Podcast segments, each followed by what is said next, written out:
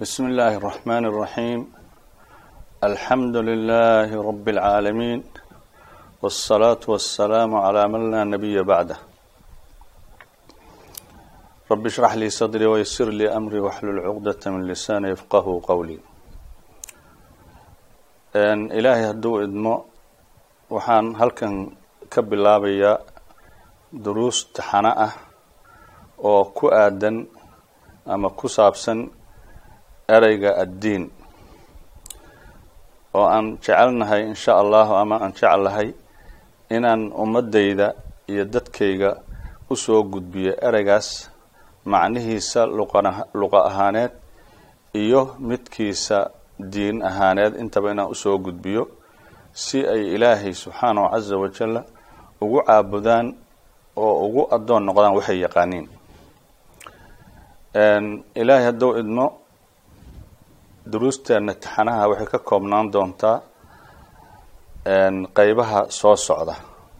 Qeybta koowaad ilahay idmo waxaan uga hadlaynaa ahmiyada ay leedahay ama uu leeyahay fahamka macaanida kelimadan addiin iyo kuwa lamidka ah. Maadaama ay kelimaadkaas ay yihiin kuwa uu maaragtay asaaska u ah erebixinta qur'aanka isla markaasna fahamka qur'aanka iyo islaamku oo ku dul wareegayo kelimaadkaas macaanidooda sidoo kalena qur'aanku uu u adeegsado gaarsiinta dacwadiisa dadka uu gaarsiinayo ereyadaas si ay u hanuunaan ilaahay fadligiisa marka koobaad haddii ay ilaahay hanuun u qorinna ay xujadu ugu ooganto marka labaad marka si ay dadku u gaaraan macno iyo aqoon keeni karta inay labadaas ujeedo middood ay u xasisho rasuulka iyo daaci kasta ayaan insha allahu maaragtay ilaahay qur'aankiisa iyo diinta islaamkuba waxay ku dul wareegayaan erey erayo uu ka mid yahay ereygaano ama kelimaad ay ka mid uu ka mid yahay kelimaad kelimadanu ay ka mid tahay. Marka sidaas darteed ayaan waxaan rabnaa insha allahu inaan luqa ahaan si fiican u qeexno. Marka qeybta koowaad waxaan uga hadli doonaa maaragtay muqadimada qeybta labaadna macnaha waxaan uga hadli doonaa macnaha koowaad ee luqa ahaan ay leedahay maaragtay kelimada ama ereyga addiin uu leeyahay. Annagoo dhinaca luqada carabeed ama afka carabeedna ka soo qaadan doona. Sidoo kalena isla qur'aankii qur'aankii oo isla macnihii u adeegsaday. Soo bandhigi doona insha allah. Axaadiidta sidoo kale rasuulka sala allahu alayh wasalam wuxuu ka sugnaaday oo macnahaas isaguna tusinaya. Ayaa insha allah soo bandhigi doonaa. Macno kastoo ka mid a macaanida ereygaas uu leeyahay. Marka qeybta labaadna macnaha koowaad ayaan si kooban uga hadli doonaa. Qeybta saddexaad waxaan uga hadli doonaa macnaha labaad. Ayaan iyadana anagoo isla wadadii marayno marna qur'aanka ka soo qaadanayna marna sunnada ka soo qaadanayna qabla dalikana fiirinayna luqa alcarabiya macaanidii ay kulahay ay ku lahay ayaan insha allah soo bandhigi doonaa qeybta afaraad waxaan uga hadli doonaa macnaha afaraad oo runtii qeybtiisa hore oo ah macnihiisa iyo cilmi ahaan inaan u soo bandhigno. Qeybta shanaadna waxaan uga hadli doonaa isla macnaha saddexaad iyo inaan ku soo jeedino ama aan waaqaca iyo fahm ahaan iyo camal ahaan sida uu adduunka maanta ka yahay ereygaaso ama macnahaas afaraad iyo sida loo adeegsado dadku halkii ay fahm ahaan iyo camal ahaanba ka gaarsiisan yihiin inaan muujino insha allah. Qeybta shanaadna waxaan uga hadli doonaa insha allah macnaha afaraad oo ereyga uu leeyahay oo macnaha ah macaanida ee luqa ahaanna ay ulahay qur'aankuna uu adeegsaday sidoo kalena sunnada qaar ka mid a axaadiista qaar kamida ku soo arooray. Ilahay idankiis intaa kadib waxaan u gudbi doonaa macnaha ama macnihii macaanidii la isku soo ururiyey oo ah qur'aanka ilaahay subxaanahu casa wajalla oo u adeegsaday aayado qaarkood macaanidii oo dhan oo kulansan oo hal meel la isugu keena hal aayad ama aayad xataa kelimaad ka mida kelimo kastoo kamida ay tilmaamayso macno kamida macaanidii ereygaas luqa ahaan oo ulahay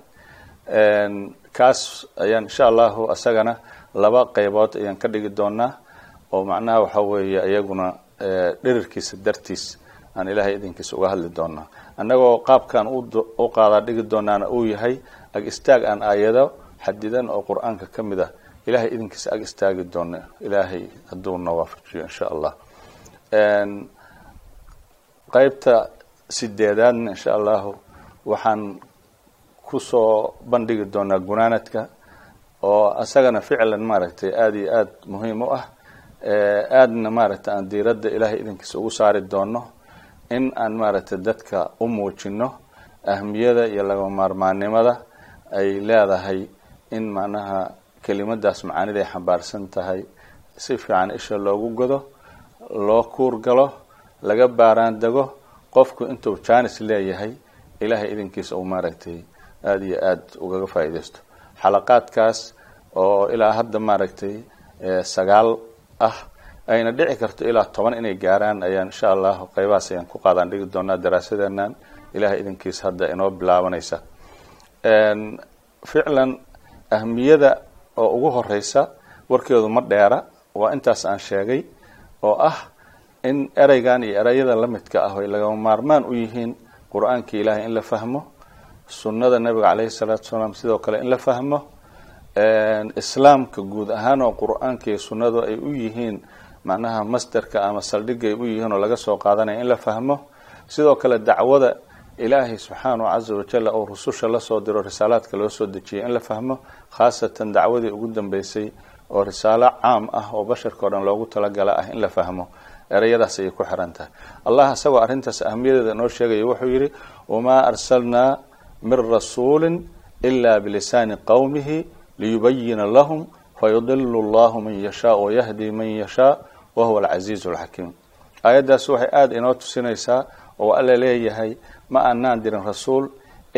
ilaa haddaan dirno waxaan ku diraynay carabka ama luqada qowmkiisa. Si uu ugu caddeeyo oo markii loo caddeeyo kadib oo xaqii caddaado qofkii doorto baadilkana iyo baadidana ilaahay uu markaas lumiyo qofkii hanuunka doortana ilaahay fadligiisa uu hanuuniyo. Allahna waa mid awood badan oo maaragta falsuu banaansho iyo xikmad badan.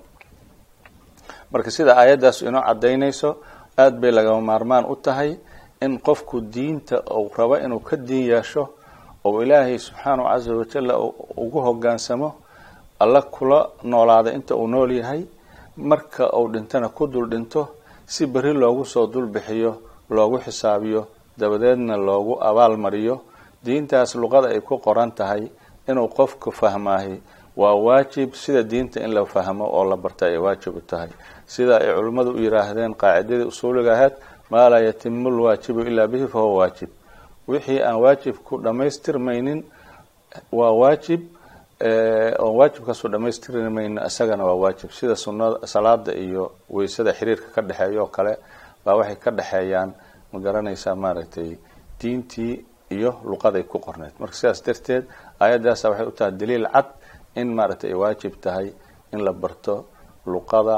qur'aankeenu ku soo degay sunnada nabiga caleyhi salatu salaam ku qoran tahay risaaladan luqada u ah oo ah carabiga maaragtay qofku haddii uu rabo inuu qur'aanka ilaahay daraaseeyo isla markaasna uu gunta macaanidiisa gaaro suuragal u noqon maysa ama waxaa lagama horaan u ah inuu runtii waxaa loola jeedo ereygan iyo ereyada lamidka macnaha loola jeedo oo lagu idlaaqo ama lagu looga gol leeyahay inuu si fiican u fahmo. Haddayan dhicin sidaas uusan qofku fahamsanayn ereyada iyo maaragtay erey bixinada uu qur'aanku adeegsanayo oo dacwada loo adeegsanayo haddiusan fahmin qur'aanku agtiisa wuxuu ku noqonaya waxaan macno lahayn ujeedo iyo hadafna aan gudanaynin ilaahay subxaanahu caza wajalna saa uguma talagelin. Macaanidiisa in la fahmaana shay ay adag tahay uu noqonayaa sidaas darteed rufuufta iyo macnaha waxa weeye meelaha kutubta iyo bogaagta la geliyo iskafaalooyinka loo yaqaano iyo miisadaha korkooda ayuu ku caariyeysanayaa. Wuxuuna noqonayaa shay aan qur'aanka saameyn nolosha saameyn kulahayn qur'aankii. Haddii aanba la fahamsanayn luqadii ilaahayba ku soo dejiyey oo lisaan carabiya ah maaragtay oo aayado badan oo qur'aanka ka midahana ilaahay uu ku caddeeyey inuu bilisaanin carabiyin mubiin ku soo dejiyey. Marka carabigaas in la barto waxaa ku xiran macnihii qur'aanka islaamka dacwadii inuu qofku badbaado adduunka intuu joogo aakhirana insha allahu ilaahay badbaadiyo ayaa ku xiran. Marka sidaas darteed waxaan aada iyo aada dadka ugu tartarsiinaynaa oo aada iyo aada ugu maaragtay tilmaamaynaa ku adkaynaynaa inay runtii luqada carabiga ah barashadeeda iyo ahmiyadeeda ay fahmaan maadaama ay arrimahaasu nagaga xiran yihiin oy maaragtay aan laga gudbi karin. Ilaahay subxaanahu caza wajalla qur'aankiisa wuxuu ku leeyahay wamaa arsalnaa min qablika min rasuuli ilaa nuuxii ilayhi anahu laa ilaha ilaa ana facbuduun macnaa rasuul kasta ilahay saasuu la soo diray oo rasuulkeena uu ugu dambeeyey calayhi salaatu wasalaam. Marka macnaha aayaddaas ay ka hadlayso haddaan luqada carabiga la fahamsanayn aan qof fahamsano uusan dadka fahamsiinin haba yaraatee maaragtay lama fahmi karo waxa ay dacwadaas xambaarsan tahay oo ah alla moogiye ilaah kale inuusan jirin maadaama uu isaga keliya ilaah yahana in isaga la caabudo. Saas ayaa rasuul kasta lala soo diray.